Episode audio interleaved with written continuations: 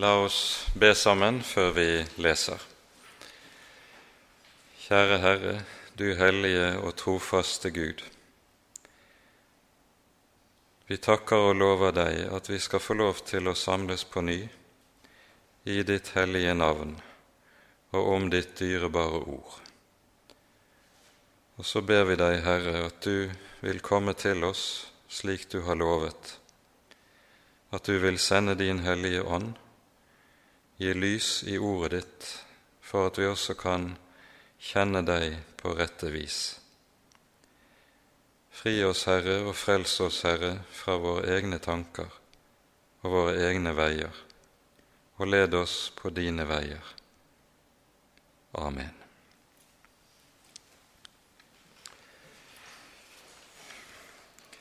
De to eh, tekstene som vi særlig skal ta for oss i dag hos profeten Jeremia, det er først et kort avsnitt i det niende kapitlet, fra vers 23, og dernest i det syttende kapitlet, fra vers 5. To helt sentrale avsnitt som også har det med seg at det går linjer fra disse til hele Skriften for øvrig, både Det gamle og Det nye testamentets budskap.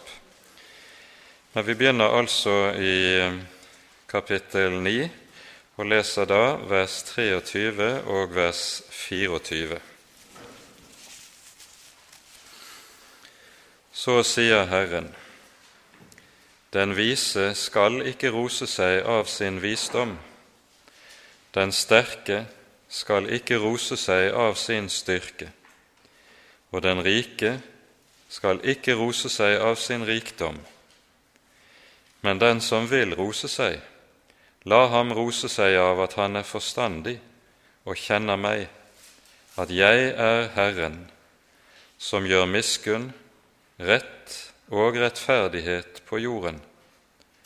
For i det har jeg velbehag, sier Herren. Amen. Det som tas opp i disse to korte versene, det er så å si noe av det som er grunntonen i det falne menneskets tro på seg selv sine egne krefter og sine egne muligheter.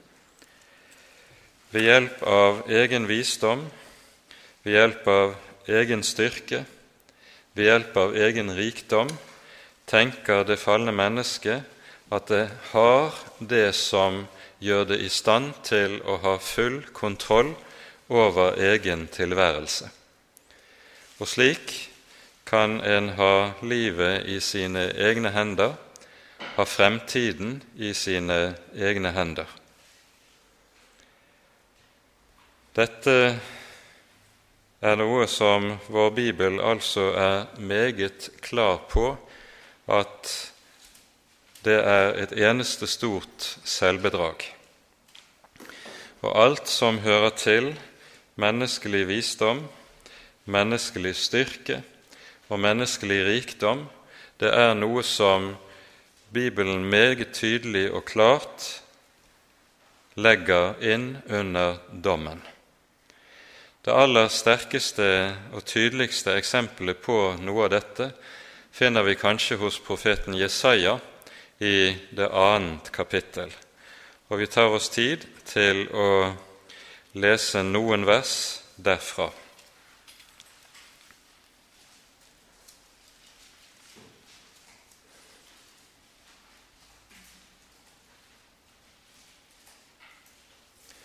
Her leser vi først fra vers 11 slik.: Menneskets stolte øyne blir ydmyket, mennenes stolthet blir bøyet, og Herren alene er høy på den dag. For Herren, herskarenes Gud, har satt en dag til dom over alt stolt og høyt, og over alt som er opphøyet, så det blir ydmyket. Og så nevnes det eksempler i billedtale på alt det som kan bli aktes høyt blant menneskene. Og så følger det videre fra vers 17.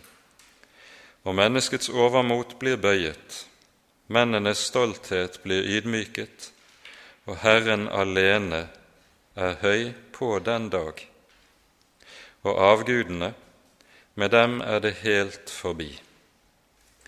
Og så til slutt, i vers 22.: Hold da opp med å stole på mennesket, som bare har en pust i sin nese. Hva er han å akte for? Det som vi ikke minst skal merke oss i denne sammenheng, er hvorledes avgudsdyrkelse og tro på mennesket knyttes sammen, slik som vi hører det i de, disse versene. Og dette er ikke tilfeldig. Vi hører avgudsdyrkelsen i en rekke sammenhenger i Det gamle testamentet benevnes på følgende vis. De tilber sine henders verk. Og Da er jo tankegangen ikke bare den at man bokstavelig i antikken og i oldtiden laget seg avguder av tre og stein og gull og sølv, men det er også dette meget dypere, det at mennesket tilber seg selv i det det tilber sin egen evne og dyktighet til å utføre de mange forskjellige ting. Så i avgudsdyrkelsen så tilber dypest sett mennesket seg selv. Og det er dette som eh, ligger bak når avgudsdyrkelsen altså benevnes slik i en rekke sammenhenger i Det gamle testamentet. De tilber sine henders verk. Dette å gjøre, det, gjøre slik det er noe av det som er bakgrunnen for at mennesket også kan bygge seg opp en falsk trygghet, en trygghet som gjør at mennesket tenker 'jeg trenger ingen Gud', 'jeg greier meg på egen hånd'. I dette stykket så er det også slik at det ikke bare er avgudsdyrkelsen som sådan, og som vi møter den i dens grove utgave i tiden før det babylonske fangenskapet i Det gamle testamentet, som er uttrykk for menneskets tro på seg selv. Men denne menneskets tro på seg selv, den kommer også til uttrykk i sin fromme utgave, i det som vi kaller for egenrettferdighet, selvrettferdighet eller lovgjerninger slik som det uttrykkes i Det nye testamentet, og vi finner det i brevlitteraturen i Det nye testamentet. Det er den samme uutryddelige tillit til egen kraft og evne som ligger i bunn også under den menneskelige egenrettferdighet. Og Det som dypest sett ligger i bunn under dette, er det som skjer allerede på fallets dag, når slangen sier til Eva, dere skal bli like som Gud. Og med det så avsetter mennesket Gud og setter seg selv inn i Guds plass som herre og konge i tilværelsen.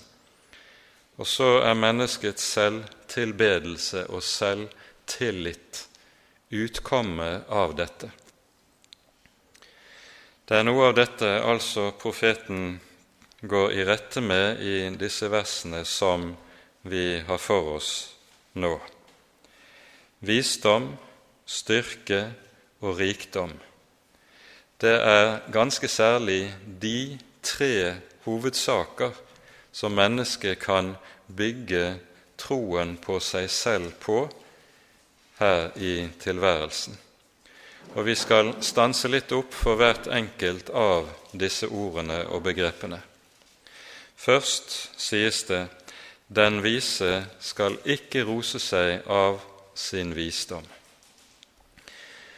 Da må vi peke på et sentralt ord i ordspråksboken i den tredje kapittel, som taler noe om hva som er det rette forhold når det gjelder slike ting, ifølge vår bibel. Vi leser i Ordspråksboken kapittel 3 fra vers 5. Ordspråkene 3 fra vers 5 til 7. Sett din lit til Herren av hele ditt hjerte, og stol ikke på din forstand. Kjenn ham på alle dine veier, så skal han gjøre dine stier rette. Vær ikke vis i egne øyne. Frykt Herren og vik fra det onde.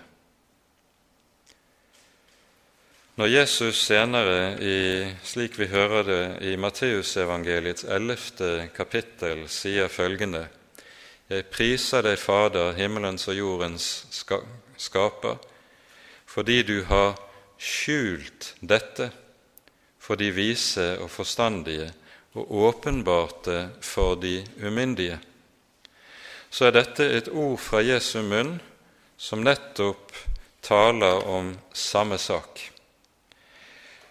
Det å være vis og forstandig i det som Jesus er inne på i Matteus 11, det betyr nettopp det å være vis i egne øyne. Det er den menneskelige selvklokhet det er tale om.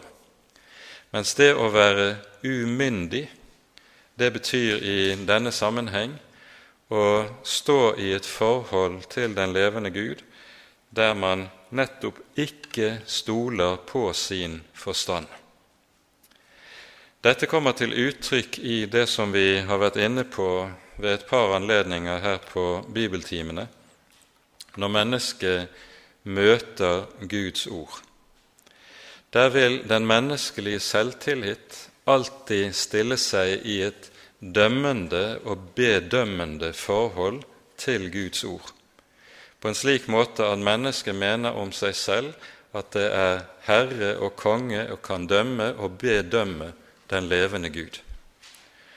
Og da snur jo mennesket alle ting på hodet, i det det jo er slik at hvis Gud er Gud, da er det Han som skal dømme og bedømme meg. Og den avgjørende omskiftning i et menneskes forhold til Gud skjer når et menneske går over fra et bedømmende forhold til Guds ord til at det stiller seg under Guds ord og lar seg bedømme av Guds ord. Da er en blitt umyndig. Da er en kommet i den stilling som Jesus taler om, og som vi har vært inne på, at han kan åpenbare Guds rikes hemmeligheter for det mennesket, så en også kan få lov til å se inn i frelsens hemmelighet i evangeliet. Det kan det mennesket som stiller seg over Guds ord, i et bedømmende forhold til Guds ord, ikke. Det er derfor altså Jesus taler sånn som han gjør i Matteus 11. Og Her er det vi altså ser noe av den avgjørende forskjell på menneskelig visdom og Guds visdom. En sannhet som Bibelen er inne på i en rekke sammenhenger, ikke minst i det sentrale avsnittet i 1. Korinterbrev, kapittel 1 og kapittel 2 der det nettopp er tale om den store forskjell på menneskelig visdom og Guds visdom, og der korset har det med seg at korset nettopp er selve Guds dom over alt som er vist og forstandig blant menneskene. Paulus taler videre om den Guds visdom som åpenbares i evangeliet i det annet kapittel, og sier og peker her på hvorledes denne visdom er av en vesentlig annen karakter enn denne verdens visdom, enn menneskenes visdom. Og han gjør det klart evangeliet kan ikke forkynnes med ord som menneskelig visdom lærer. Det betyr at rent sekulær og verdslig kommunikasjonsteori er ubrukbar når det er tale om å forkynne evangeliet. Man får jo av og til i våre dager høre om hvilke gode råd en bør følge hvis en skal selge evangeliet eller selge kristendommen og lykkes i dette salg. Kristendommen er ikke noe som slik kan selges gjennom at man gjør den attraktiv på rent menneskelige premisser. Tvert om, kristen tro bærer i seg et dypt anstøt for det naturlige menneskets fornuft.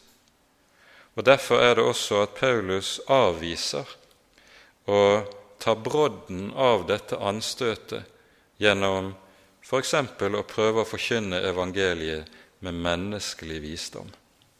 Og så sier han i vers 4 og 5 i kapittel 2 i 1. Korinterbrev følgende Min tale og min forkynnelse var ikke med visdoms overtalende ord, men med ånds og krafts bevis, for at deres tro ikke skulle være grunnet på menneskers visdom, men på Guds kraft. Vi ser den avgjørende forskjell som Paulus her gjør, seg, gjør oss klart. Og så tales det noe lenger nede i eh, det samme kapittelet vi leser fra vers 10, om hva som kjenner den visdom som ligger i evangeliet. En visdom som det verdslige, det falne mennesket, oppfatter som ren og blank dårskap.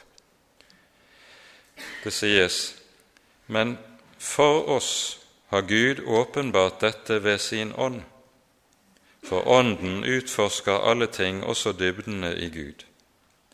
For hvem blant mennesker vet hva som bor i et menneske uten menneskets egen ånd, som er i ham? Slik vet heller ikke noen hva som bor i Gud uten Guds ånd. Men vi har ikke fått verdens ånd, men den ånd som er fra Gud, for at vi skal kjenne det som Gud i sin nåde har gitt oss. Og Så hopper vi til vers 14, der det står slik.: Men et sjelelig menneske, dvs. Si et naturlig menneske, tar ikke imot det som hører Guds ånd til, for det er ham en dårskap, og han kan ikke kjenne det. Og det kan bare bedømmes på åndelig vis.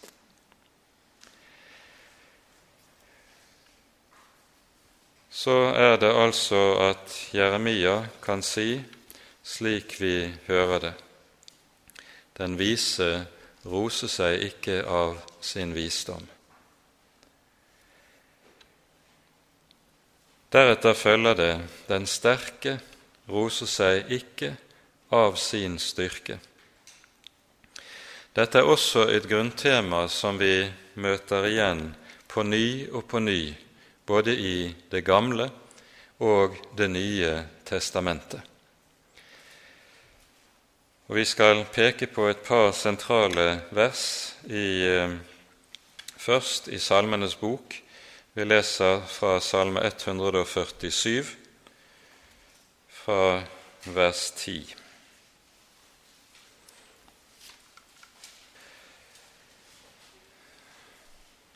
Han har ingen glede av hestens styrke. Han har ikke behag i mannens ben. Herren har behag i dem som frykter ham, som venter på hans miskunnhet. Parallelt kan vi lese til dette fra Salme 33 følgende.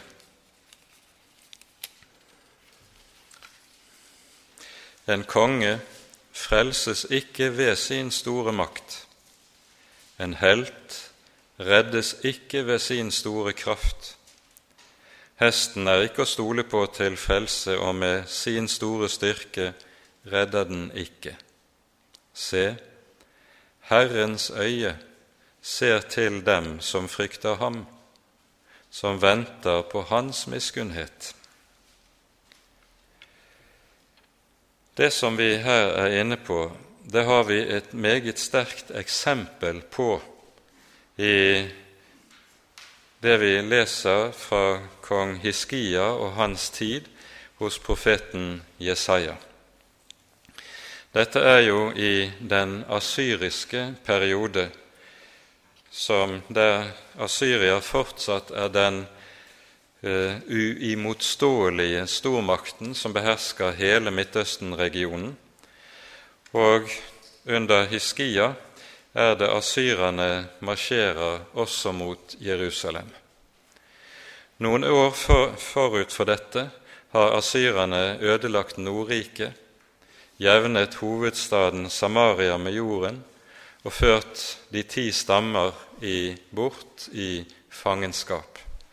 Og så er det bare Sydriket tilbake med Juda stamme og Benjamins stamme.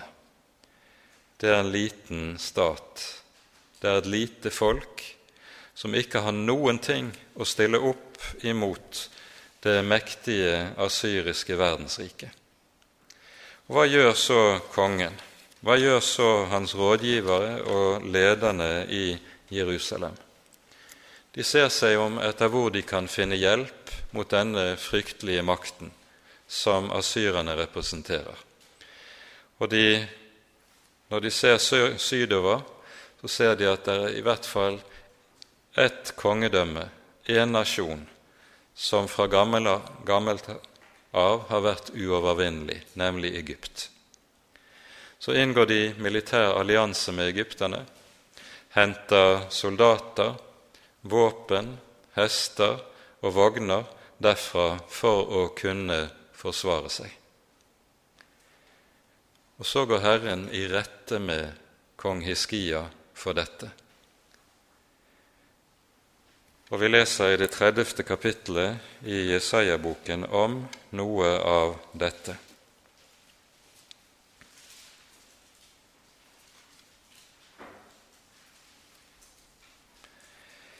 Vi leser fra første vers i kapittel 30 følgende Ved de gjenstridige barn, sier Herren, de som følger planer som ikke er fra meg, og inngår avtale uten min ånd. Slik legger de synd til synd. De drar ned til Egypt uten at de har rådspurt meg, for å finne vern hos farao og søke ly i Egyptens skygge. Men faraos vern skal bli dere til skam, og det ly dere søker i Egyptens skygge, skal bli til vanære. Og så kommer begrunnelsen i vers 15. Vi kan ikke lese hele avsnittet. For så sa Herren, Herren, Israels hellige, dersom dere vender om og holder dere i ro, skal dere bli frelst. I stillhet og i tillit skal deres styrke være, men dere ville ikke. Herren sier altså til folket det er ham de skal stole på, ikke egypterne.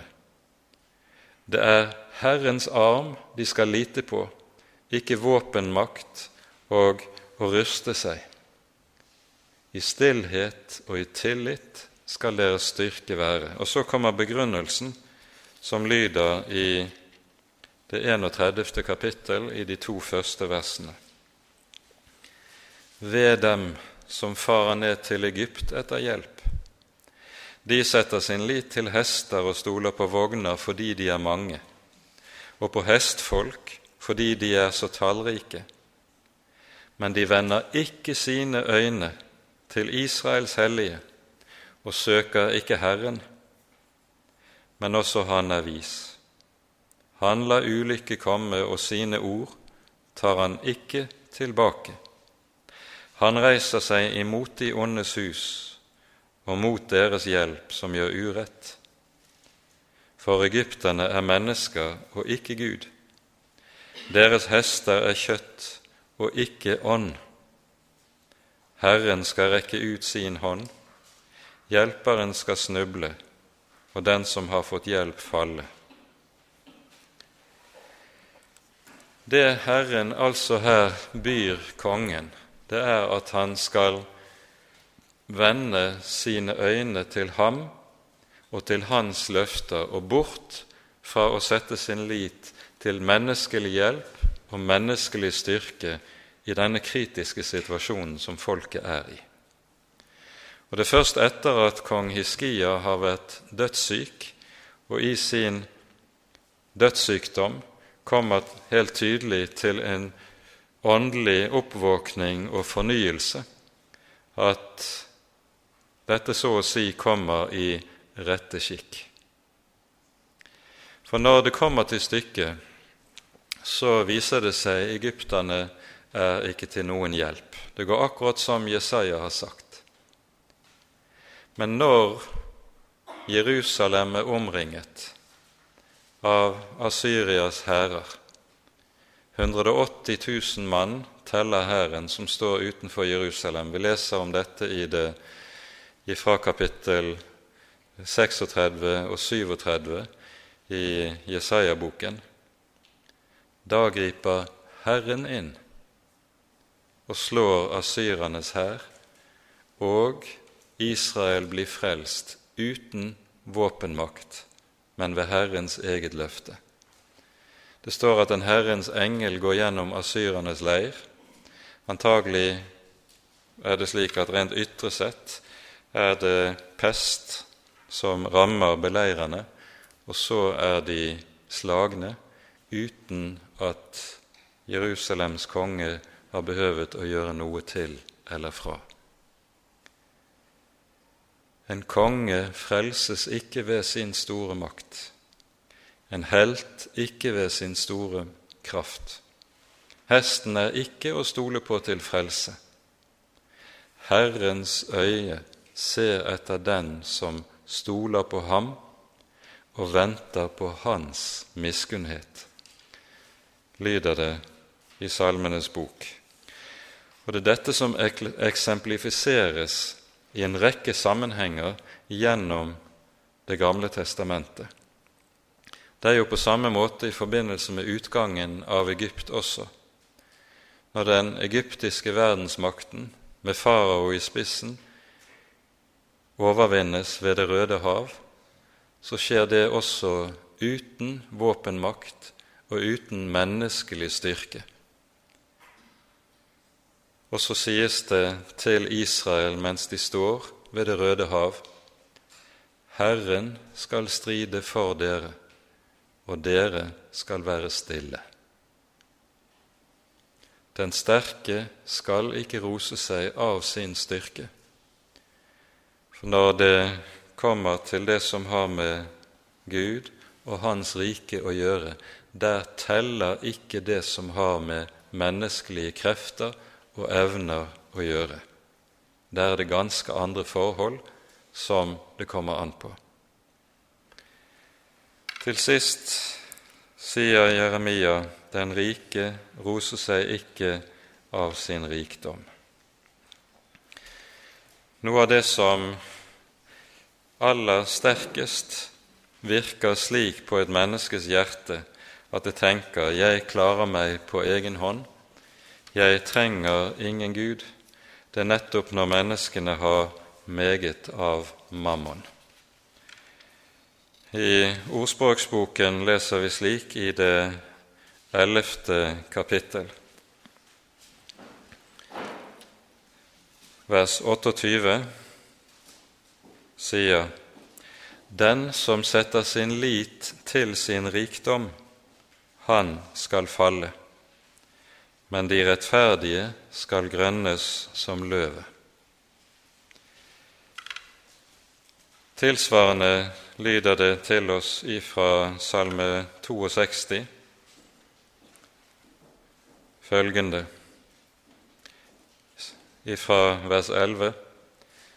Fest ikke lit til vold, sett ikke fåfengt håp til røvet gods, og når rikdommen vokser, så la ikke hjertet feste seg ved det. Når rikdommen vokser, så la ikke hjertet feste seg ved det. Det er jo nettopp det som er så vanskelig for oss når vi får mye av mammon, det er at hjertet nettopp henger ved det, stoler på mammon, og så blir det så vanskelig for oss å forlate oss på Han som er Herre og som er Gud. Det er derfor, når Jesus i Matteusevangeliets 13. kapittel taler om de fire slags sædejord, og hvorledes noe av kornet faller blant tårner, og tårnene vokser opp sammen med kornet, men fordi kornet ikke får nok lys og næring, så kveles kornet. Og så kaller Jesus tornene bl.a. for rikdommens forførelse. Det er tankevekkende uttrykk som er vel verd å merke seg. Rikdommens forførelse. Det er en egen forførende makt i rikdommen som Den hellige Skrift hyppig advarer oss imot, og som ikke minst i våre dager kanskje er mer nødvendig enn noen gang å ta seg til hjertet og være oppmerksom på.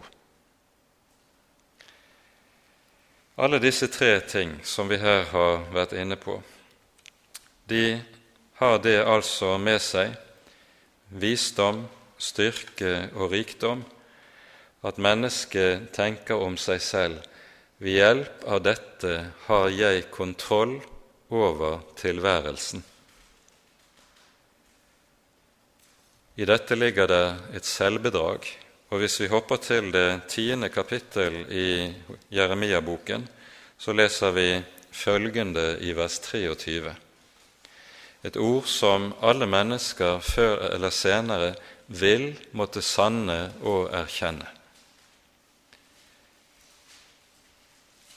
Her står det profeten sier til Herren, Jeg vet, Herre, at et menneske ikke selv råder for sin vei, og at det ikke står til vandringsmannen å styre sin gang. Dette er noe som ikke minst et Guds barn trenger å minne seg selv om ofte. Jeg vet, Herre, at det ikke står til et menneske selv å råde for sin vei. Det står ikke til vandringsmannen selv å styre sin gang. Og Nettopp derfor er det at vi finner et ord som det som står i Salme 37 i det femte verset, der vi leser slik vi har sunget det også i inngangssalmen i dag. Velt din vei over på Herren og stol på ham. Han skal gjøre det. Det å sette sin vei i Herrens hånd, det er den grunnleggende kristne livs holdning. Og Det innebærer dette at du så å si er deg bevisst at du tar og legger livet ditt over i en annens hender, i Herrens hender, og så er det ikke lenger i dine egne hender. I dette ligger det en grunnleggende troens øvelse som et menneske kanskje særlig lærer i trange og i tunge tider. Men samtidig er det også slik at det kanskje særlig er vanskelig å ta dette ordet på alvor i de gode dager. Leser vi verset etterpå i Salme 37, så er det knyttet et veldig løfte til dette. Det står Han skal la din rettferdighet bryte frem som lyset, og din rett som lyset midt på dagen. Vær stille for Herren og vent på Ham.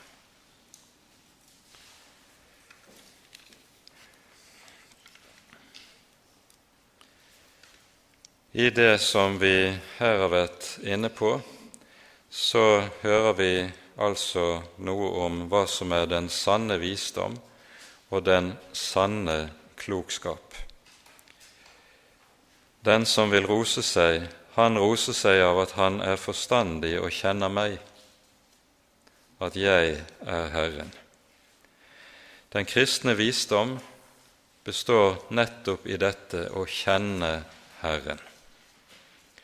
Mens slik Bibelen taler om dette Vi for eksempel, hører f.eks.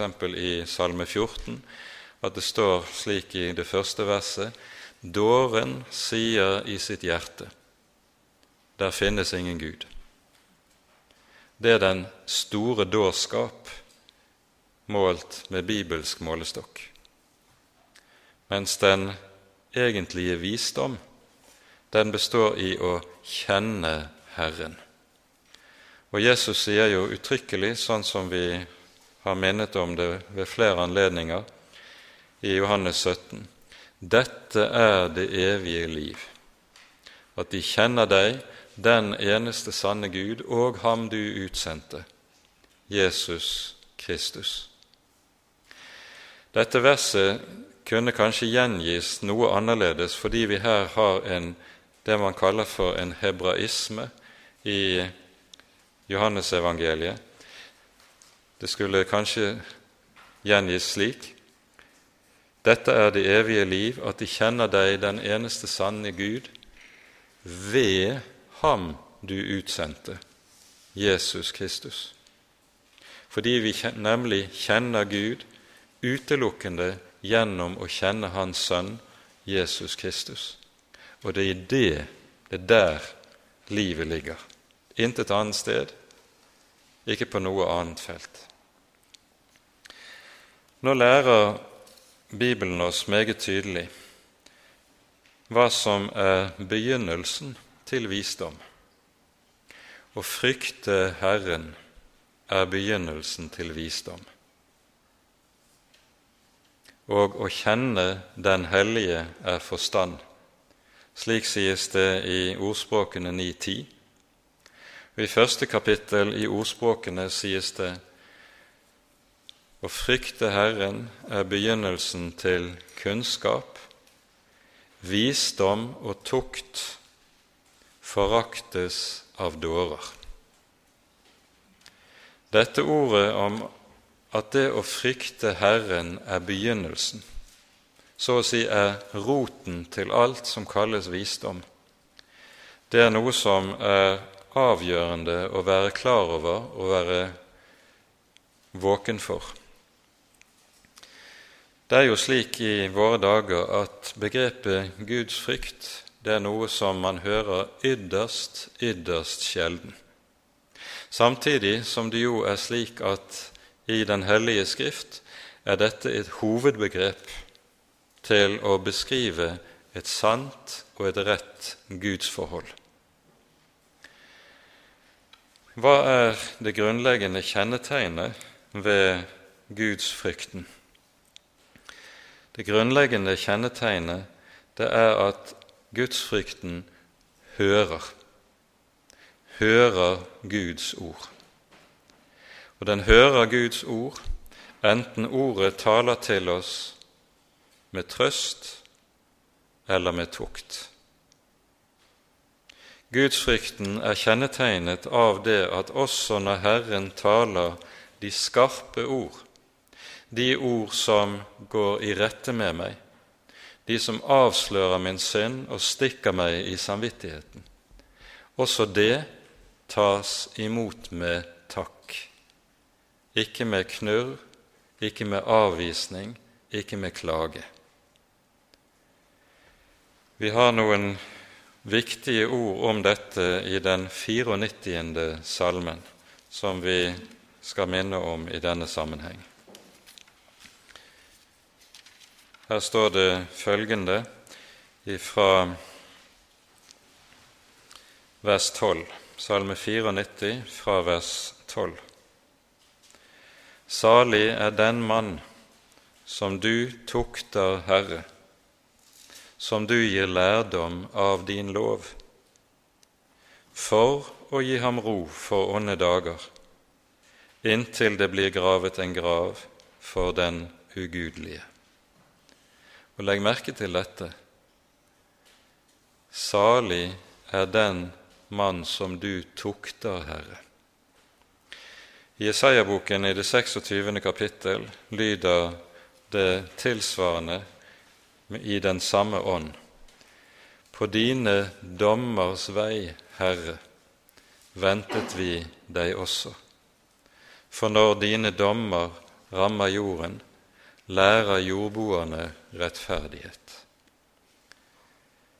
Altså, en venter ikke bare på de gode ord fra Guds munn, men en tar også imot de skarpe ord, fordi en vet at disse ord som dømmer meg, det er dypest sett også gitt ut fra det samme hjertelag hos Herren, som søker mitt liv, som søker min frelse, og derfor søker min omvendelse.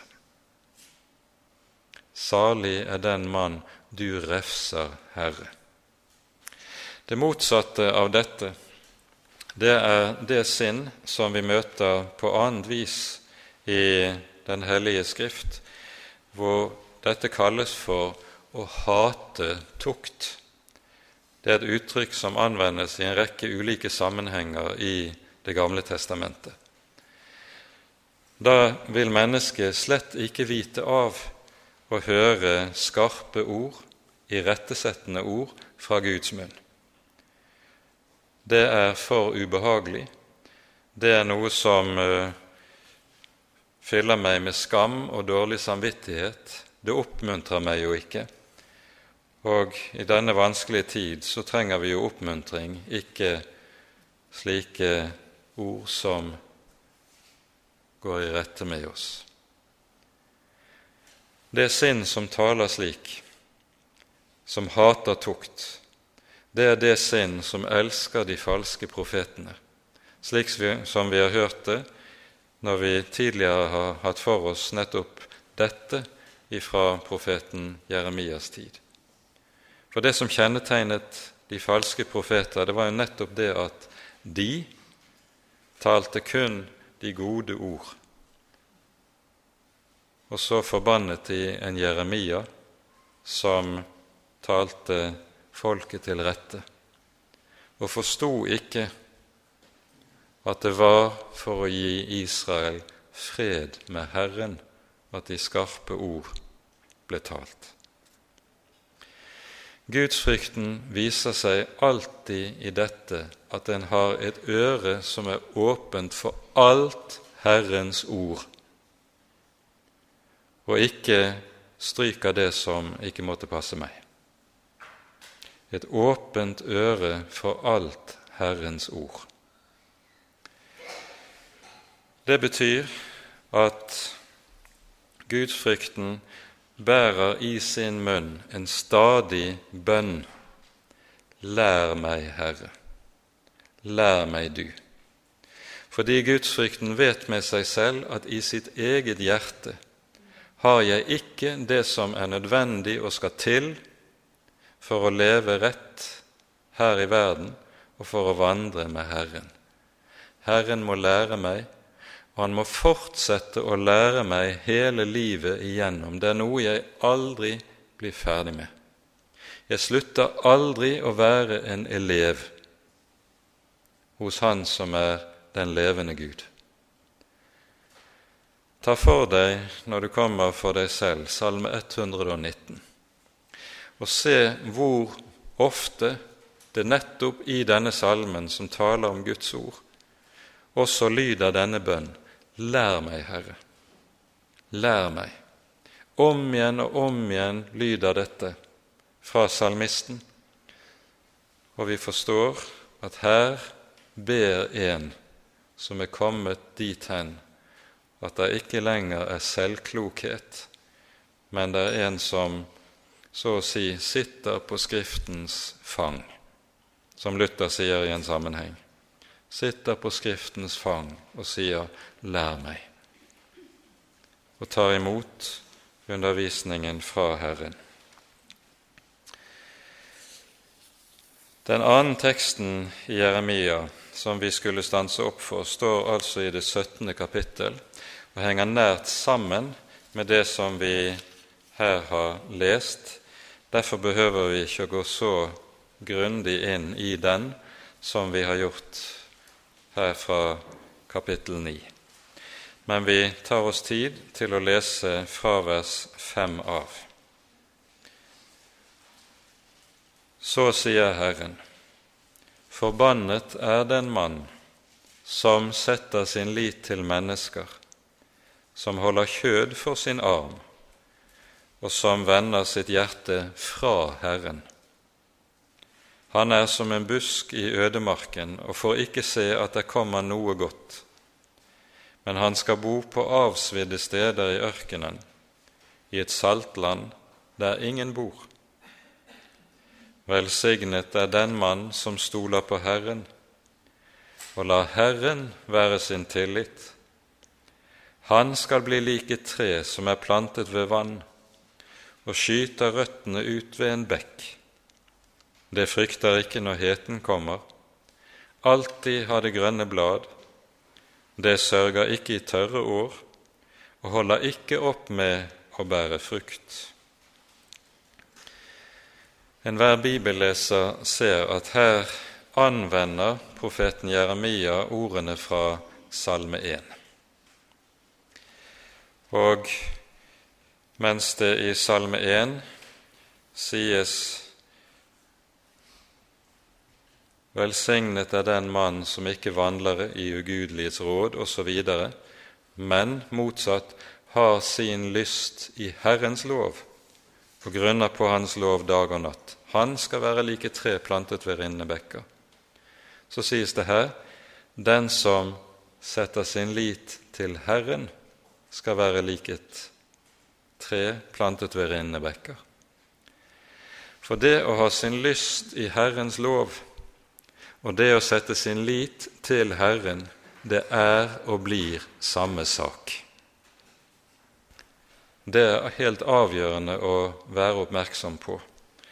Derfor er det også det står som følger i innledningen til Salme 119. Salige er de som går de oppriktiges vei, som vandrer i Herrens lov. Salige er de som tar vare på Hans vitnesbyrd og som søker ham av hele sitt hjerte. Legg merke til det. Vi har tidligere talt om hvordan hebraisk språk bruker det som vi kaller for parallellismer. Man har ikke bokstavrim eller enderim i hebraisk poesi, slik som vi ofte har det i vår poesi, men man har det som man kaller for tankerim på den måten at det som står i første halvdel av verset, det betyr det samme som står i siste halvdel av verset. Og Da skjønner vi det som står i vers 2. Den som tar vare på hans vitnesbyrd, det er den som søker ham, Herren selv altså, av hele sitt hjerte.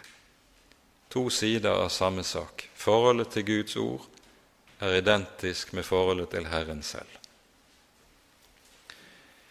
Og det er det vi altså møter igjen her hos Jeremia. Det ordet som nå følger i Jeremia 17,9, det er selve begrunnelsen for at forbannelse følger den som stoler på mennesker. Selve begrunnelsen for at man ikke skal sette sin lit til menneskelig visdom menneskelig styrke, menneskelig rikdom. Det sies svikefullt er hjertet, mer enn noe annet. Ubotelig sykt er det. Hvem kjenner det? Det kanskje, dette verset er kanskje det sterkeste ordet i Det gamle testamentet som taler om hvordan mennesket i grunnen er behersket av synden og syndens makt. Svikefullt er hjertet mer enn noe annet. Det ordet som anvendes om som er oversatt med 'svikefullt', det er det samme ordet som er stamme i mannsnavnet Jakob. Og Vi husker hvorledes Jakob nettopp er bedrageren, svikeren, som Herren har såre meget strev med å føre og danne på sine veier. Hjertet er svikefullt. Mennesket er ikke godt på bunnen. Og så sies det det anvendes et særlig ord.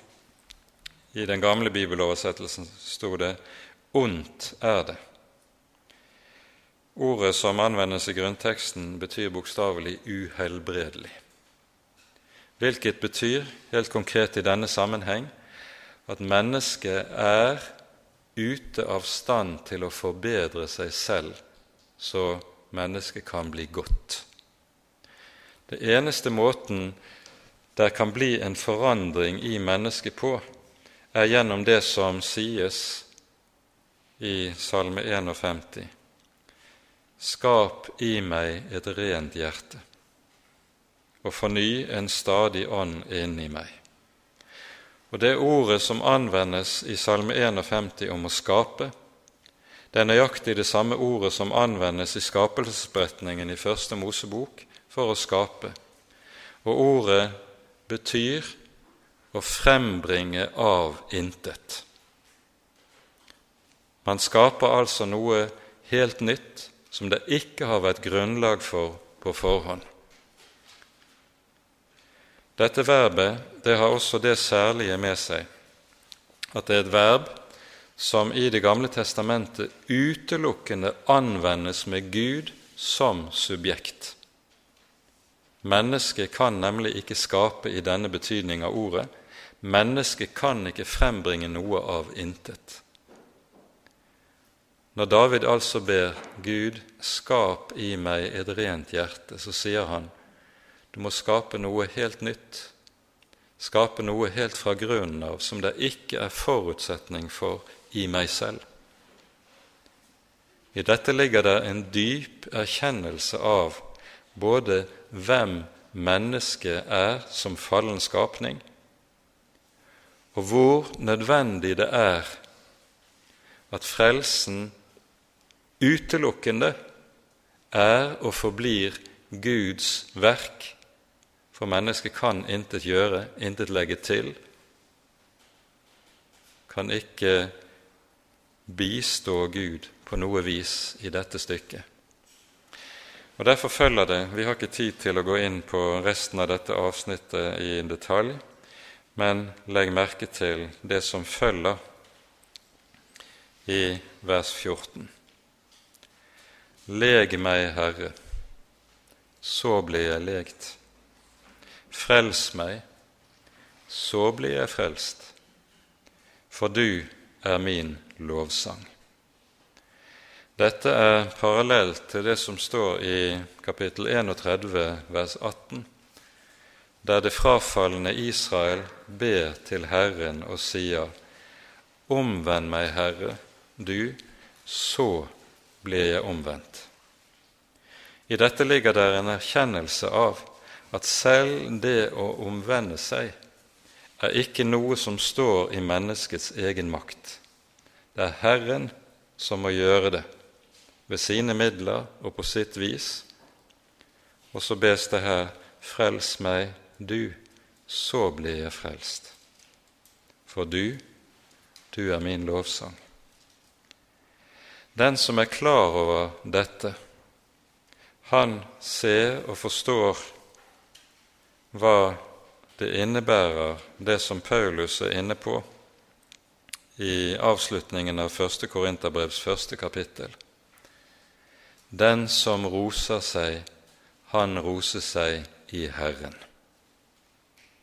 Han har ikke sin ros i seg selv. All ære tilkommer den som æres bør, nemlig Herren, fordi alt i Guds rike har det med seg at det er Guds gjerning og Guds verk. Når menneskehjertet er uhelbredelig, så illustreres dette i Jeremia-boken gjennom det som vi f.eks. hører i kapittel 13, vers 23. Kan en etioper skifte hud, eller en leopard sine flekker, da kan også dere gjøre ondt, dere som er vant da kan også dere gjøre godt, dere som er vant til å gjøre ondt. Det falne mennesket har fått en natur som er slik at mennesket selv er ute av stand til å endre på saken. Og Derfor er det avhengig av at Han som er Herre, kommer og gjør sin gjerning.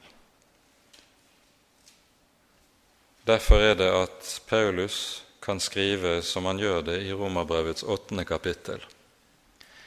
Det som var umulig for loven, fordi den var maktesløs på grunn av kjødet, det gjorde Gud. Det gjorde Gud idet han sendte sin sønn i syndig kjøds lignelse, og for syndens skyld og fordømte synden i kjødet. Her er den store og avgjørende forskjell på menneskeverk og Guds verk. Og alt som hører Guds rike til, er og blir Guds verk. Det er aldri vårt. Fremfor alt det mest grunnleggende, det som har med selve frelsen å gjøre. Men i kjølvannet av det også alt annet som overhodet er velsignelsesbringende i Guds rike sammenheng. Guds verk ovenfra. Derfor er det altså en Jeremia kan be, som vi hører det. Leg meg, Herre, så blir jeg lekt. Frels meg, Herre, du, så blir jeg frelst. For du er min lovsang. Ære være Faderen og Sønnen og Den hellige ånd, som var og er og være skal, en sann Gud, høylovet i evighet. Amen.